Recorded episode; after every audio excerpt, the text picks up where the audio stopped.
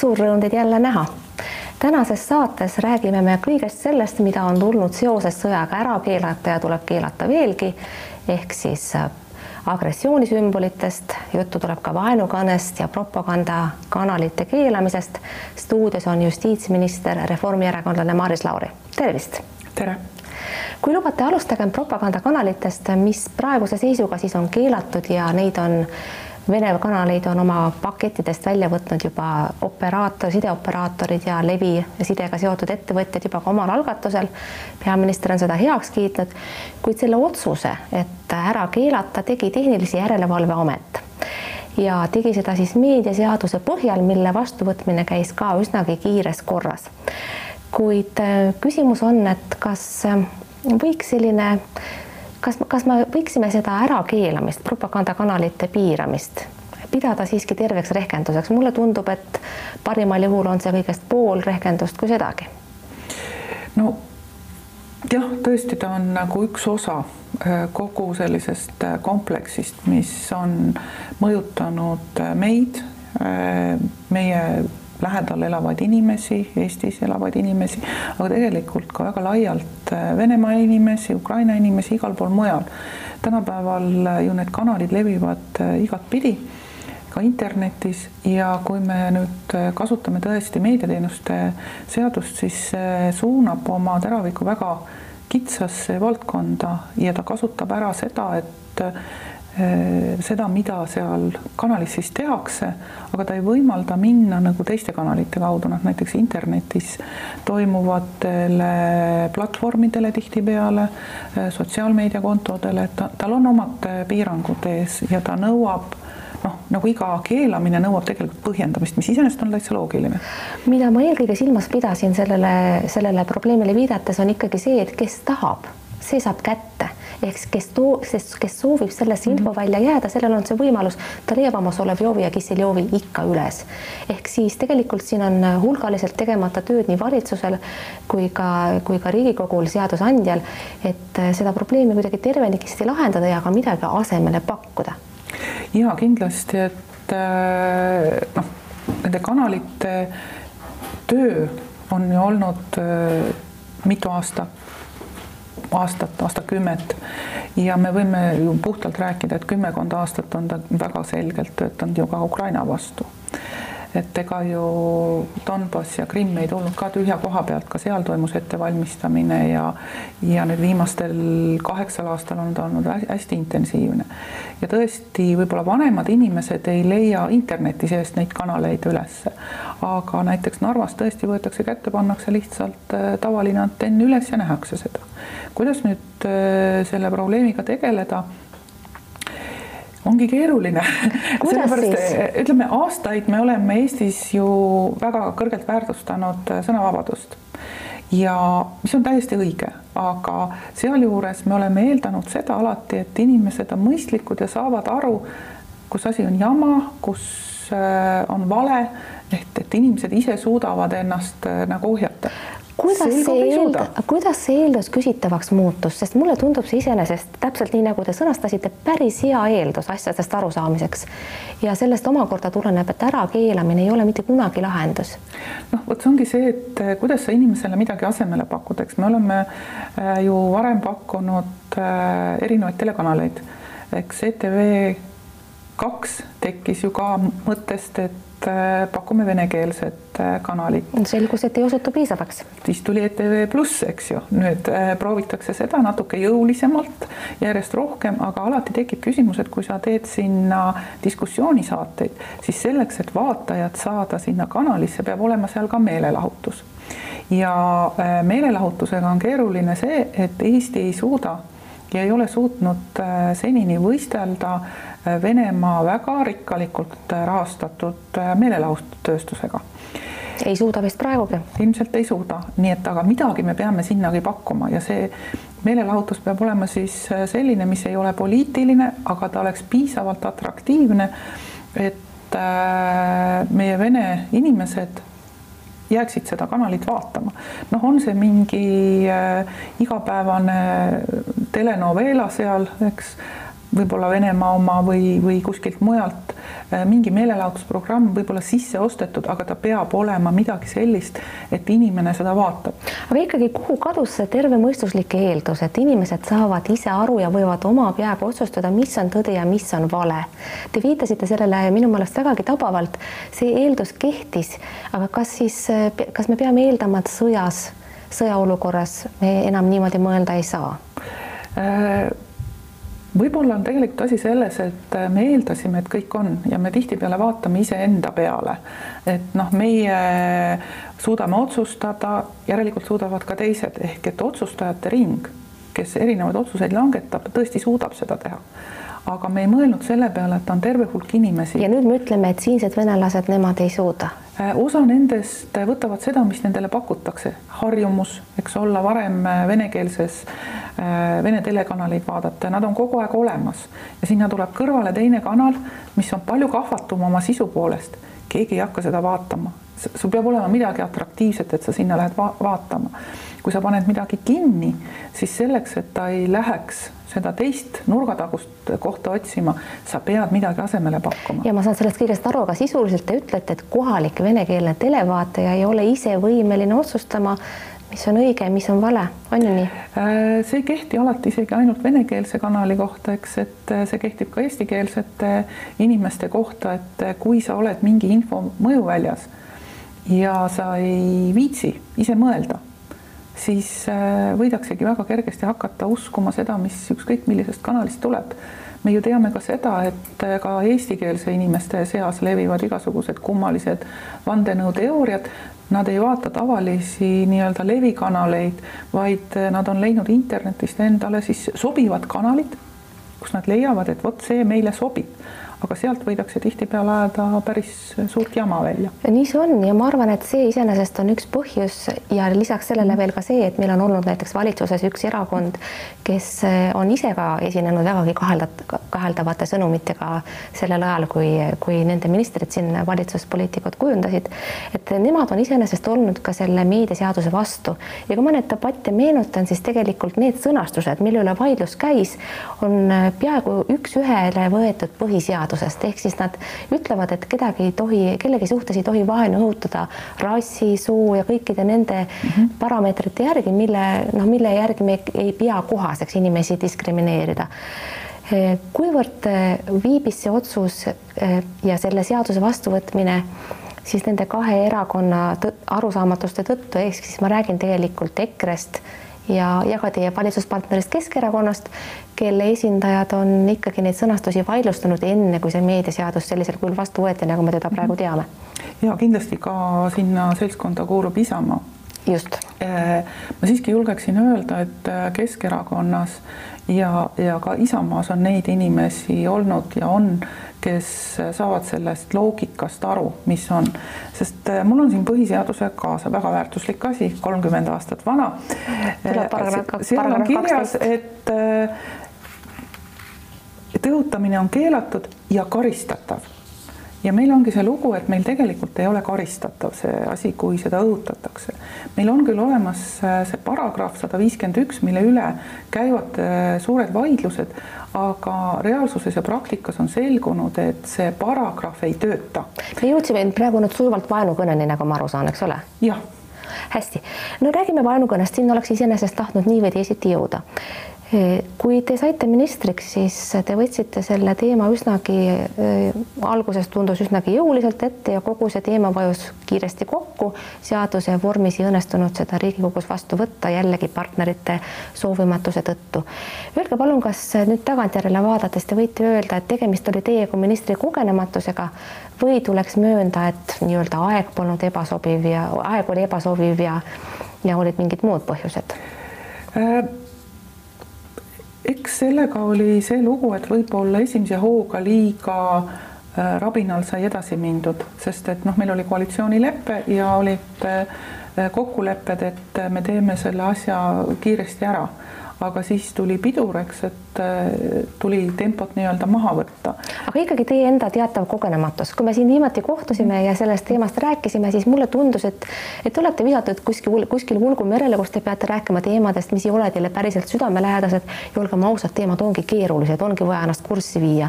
et kas see võis ikkagi minna alguses, kohe päris alguses teie kogenematuse nahka? Äh, see võis võib-olla selles mõttes minna, et äh, ma astusin ametisse ja piltlikult öeldes järgmisel päeval küsiti minu käest, kus on eelnõu ja miks need punktid on sellised, sellised ja sellised, eks.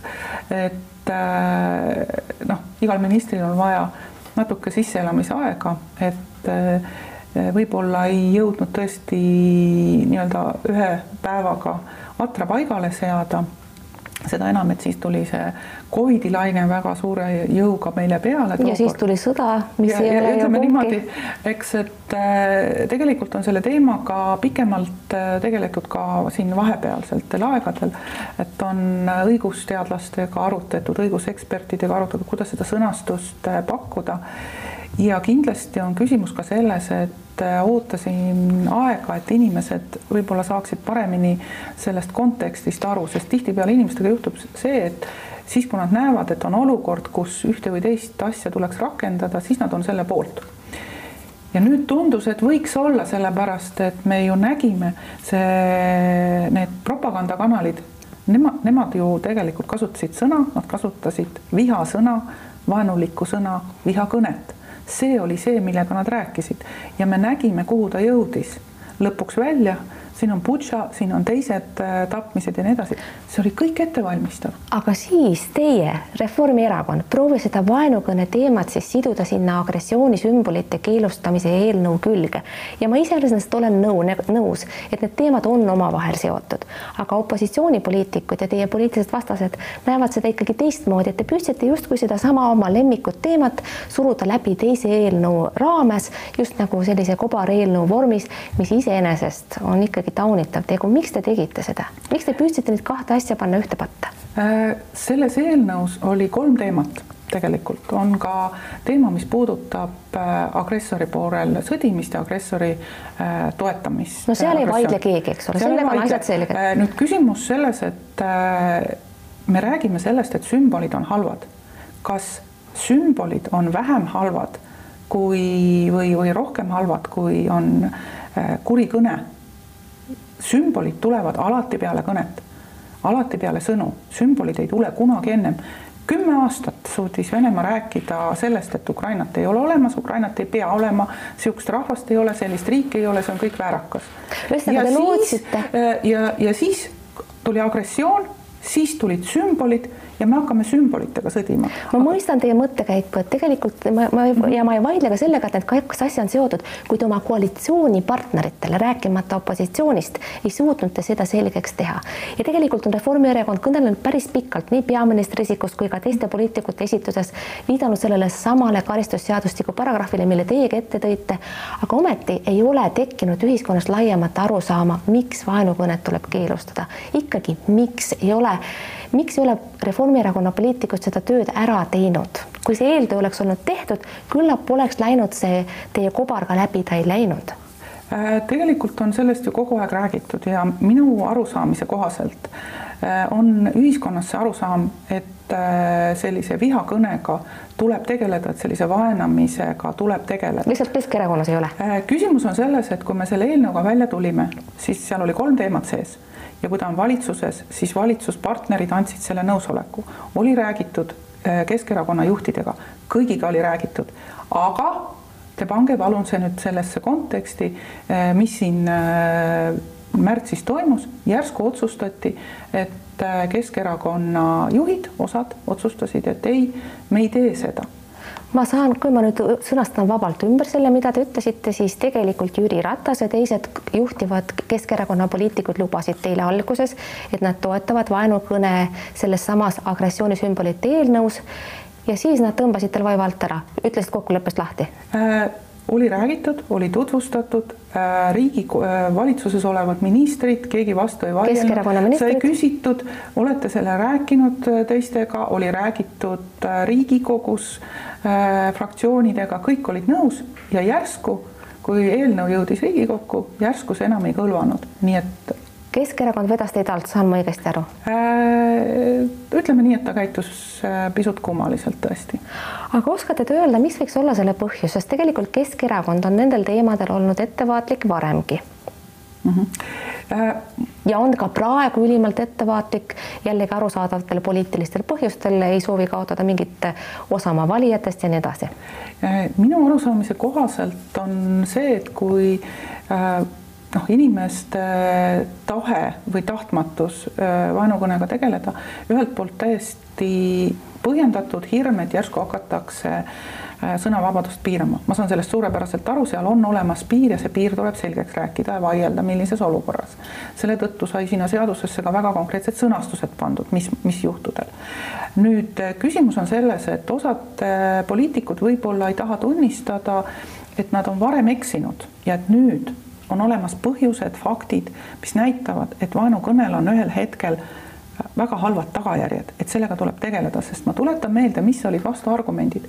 see oli kunagi kahekümnendal sajandil, sellest on kümneid-kümneid aastaid möödas.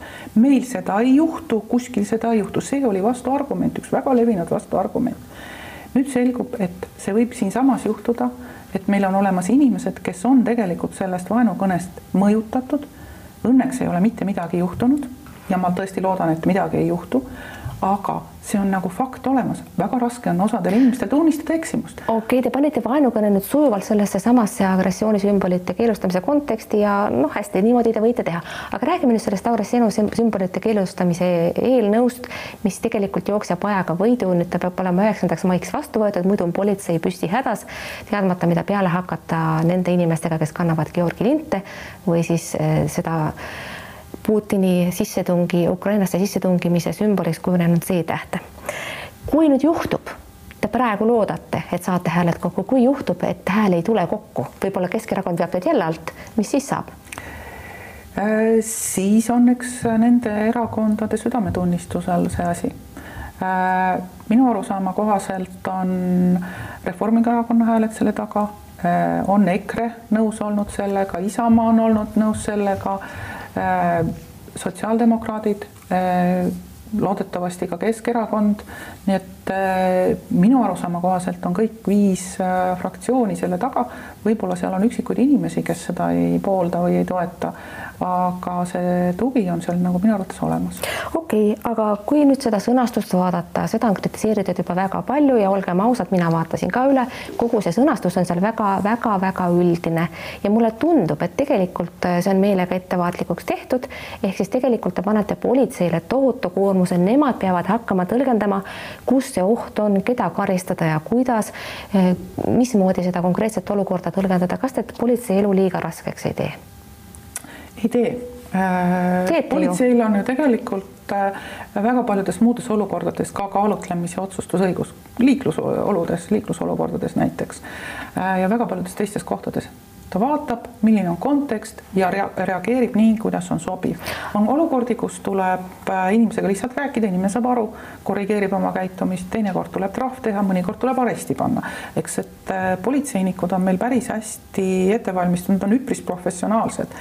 ja meil oli tegelikult kõrval ka see, mida on, kuidas asjad on korraldatud näiteks Lätis ja Leedus. Leedus on konkreetne loetelu äh, seadustes ja nad on sellega hädas, sest iga kord, kui tuleb uus sümbol, mida nad tahavad keelutada, nad peavad seadust seadust muuta.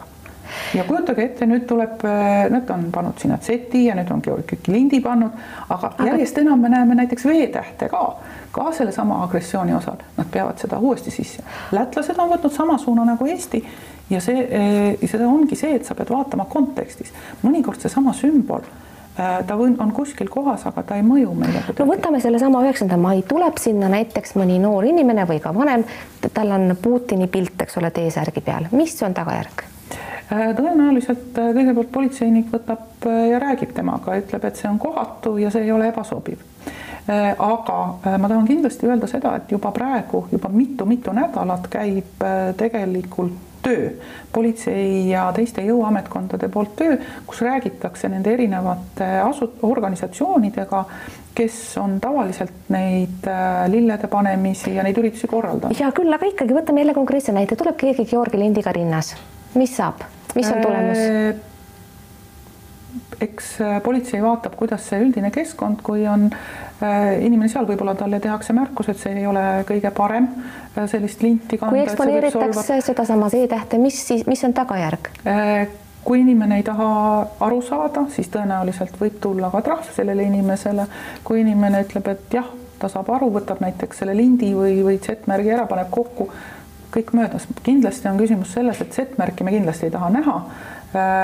ja Z et märgi tõenäoliselt äh, sealt äh, tuleb mingi sanktsioon. aga no saame selle üheksanda maiga maha ja elu läheb edasi ja näiteks tuleb kooli ikkagi selline mõni, mõni poiss, kellel on lõigatud see Z-täht juustesse, selliseid juhtumeid on juba olnud, need on meedias kajastatud. kuidas siis peavad toimima õpetajad? Äh, eks laste puhul on alati küsimus ka vanemates, kõigepealt kindlasti koolis räägitakse selle lapse, lapsega, räägitakse ka lastevanematega ja räägitakse sellest, et see ei ole kohane. ja ma tõesti loodan, et inimesed on nii palju mõistlikud, et nad saavad aru sellest. alles alguses te ütlesite, et selle peale enam ei saa loota äh, võib-olla on küsimus selles, et iga inimesega tuleb individuaalselt vestelda ja võib-olla on ka küsimus selles, et tuleb reageerida varakult. me lasime kümme aastat rääkida Putini kanalitelt sellest, kui paha ja halb Ukraina on. ühesõnaga, see teadmine on inimestesse juba imbunud, selle väljatõrjumine võtab aega. kui me nüüd räägime, ütleme, see Z-täht on kaks kuud olnud äh, ja räägime, siis on ilmselt seda Z-märki on natuke kiirem ja lihtsam välja juurida kui võib-olla midagi muud. miks ei võiks ikkagi kaaluda seda varianti, millest on rääkinud näiteks endine õiguskantsler Allar Jõks ja ka Kari Kinter ehk siis Soranini advokaadid peamiselt, nagu ma aru saan, et eh, konkreetselt sidudagi praeguse seaduse säte kiires korras Ukraina sõjaga seotud agressioonisümbolite keelustamisega. Nad tõid ka näited, et iseenesest ei oleks see nii tohutult pretsedenditu, miks seda kaaluda ei taheta ähm.? Siis äh, võib juhtuda väga lihtsalt ka praeguse agressiooni käigus, et äh, Venemaa võtab äh, oma suuna näiteks Transnistriale, mis on Moldova osa et kas siis seal on see õige kasutamine, kas me peame alati olema reaktiivsed erinevates asjades. me teame seda, et Venemaa on täiesti ettenägematu. jumal teab, mida ta järgmisena ette võtab. et võib-olla oleks mõistlikum tõesti need seaduseloomes ja kõik lähtuda sellistest üldistest reeglitest, kuidas äh, konkreetsetes olukordades praktikas rakendatakse, see on juba madalama taseme regulatsiooni küsimus ja diskussioonide küsimus. me ei saa ennast kinni mängida ainult sellele, et äh, nüüd Ukraina kriisi ajal me tegeleme ainult nende asjadega, aga mis juhtub kahe nädala pärast aga mis ikkagi näiteks, sümbolid on ju ajaloolisi ka ja näiteks hiljaaegu vaktsiinivastased, need Varro Vooglaiu omad, ma mõtlen, näiteks eksponeerisid kollast kuusnurka ehk siis eh, holokausti ohvrite märki, Taaveti märki nii-öelda ja, ja juudi kogukonda ärritas see tohutumalt mm. -hmm. samas nagu ma, mul ei jäänud silma, et neid oleks kuidagi karistatud. selle seaduse järgi ilmselt, mis nüüd vastu võetakse, saaks ka neid vastutusele võtta selle ajalooliselt väga tugeva, äh, tugevate ja intensiivsete kannatustega seotud märgi kasutamise eest või kuidas? Äh, no see oli nüüd näide sellest, kuidas üks seltskond üritas kaaperdada ühte sümbolit ja muuta seda teiseks, äh, anda selle sümbolile teistsugune tähendus. Õnneks see nendel ei õnnestunud, aga tahe oli ju näha, mida sooviti mingit sõnumit anda. aga holokausti ohvreid solvas see ju sügavalt. ja tõesti, see solvas. nüüd küsimus on selles. aga see nagu ei lugenud? Noh, ütleme niimoodi, et ma tean, et äh, isikutega vesteldi, aga see ongi seesama küsimus, et äh, selle tegevusega üritati mm, seda holokausti ohvreid alandada.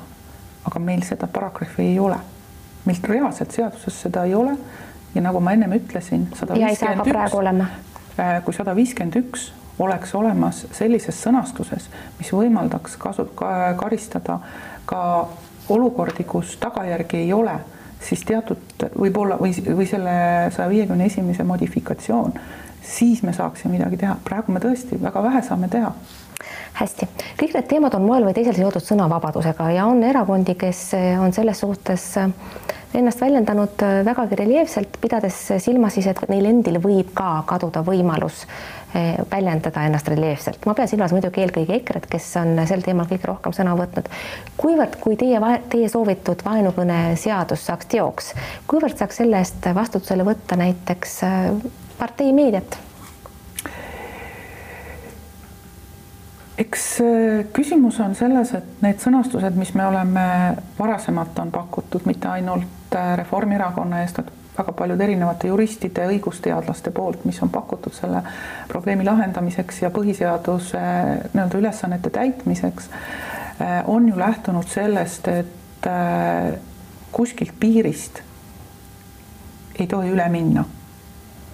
minu sõnavabadus on teise inimese sõnavabadus ja kuskil on äh, see piir olemas, kui ma astun ühest piirist üle. no see piir on täiesti tunnetuslik. see on tunnetuslik, äh, aga äh, selle tõttu peabki seaduses olema, kui me otsustame midagi reguleerida, peab olema selline samm-sammuline esimene võimalus politseil öelda, et nii-öelda vestelda, öelda, et kuulge, te teete valesti, see ei ole hea, te võite sinna jõuda. järgmine samm, kasutada trahve, kasutada aresti ja alles siis minna sellele, et võtta inimesele ja äh, võib-olla kriminaalkorras karistada. meie eeldame seda, et alati meie praegune seadusandlus eeldab, et tagajärg peab olema, inimene peab olema läbi pekstud, äh, vigastatud, äh, võib-olla tapetud, alles siis reageerime. see on hilja. hästi. lõpetuseks üks vaataja küsimus, mille ma sõnastan omatahtsi ümber. nimelt on seoses ukrainlastega tekkinud Eesti üüriturul olukord, kus osa üürileandjaid ei soovi neid oma, oma pindade peal näha. kas sellist tegevust saab kuidagi karistada, käsitleda diskrimineerimisena või siis, või siis mitte? selline tegevus on juba keelatud, see on diskrimineerimine. mis järgneb, kui seda tehakse, me teame, et seda tehakse esimene asi on noh, nagu ma ikka ütlen, tuleks vastavatel asutustel sinna pöörduda, juhtida tähelepanu, et nii ei sobi ja järgnevalt tulevad trahvid ja siis noh, nii-öelda sanktsioonid selle koha pealt justiitsminister Maris Lauri, ma tänan teid südamest selle jutuajamise eest, head sõbrad, et te vaatasite. vaadake teinekord ikka jälle, olge vahepeal terved, elage nii hästi, kui see raskel ajal on võimalik. Kuulmiseni, nägemiseni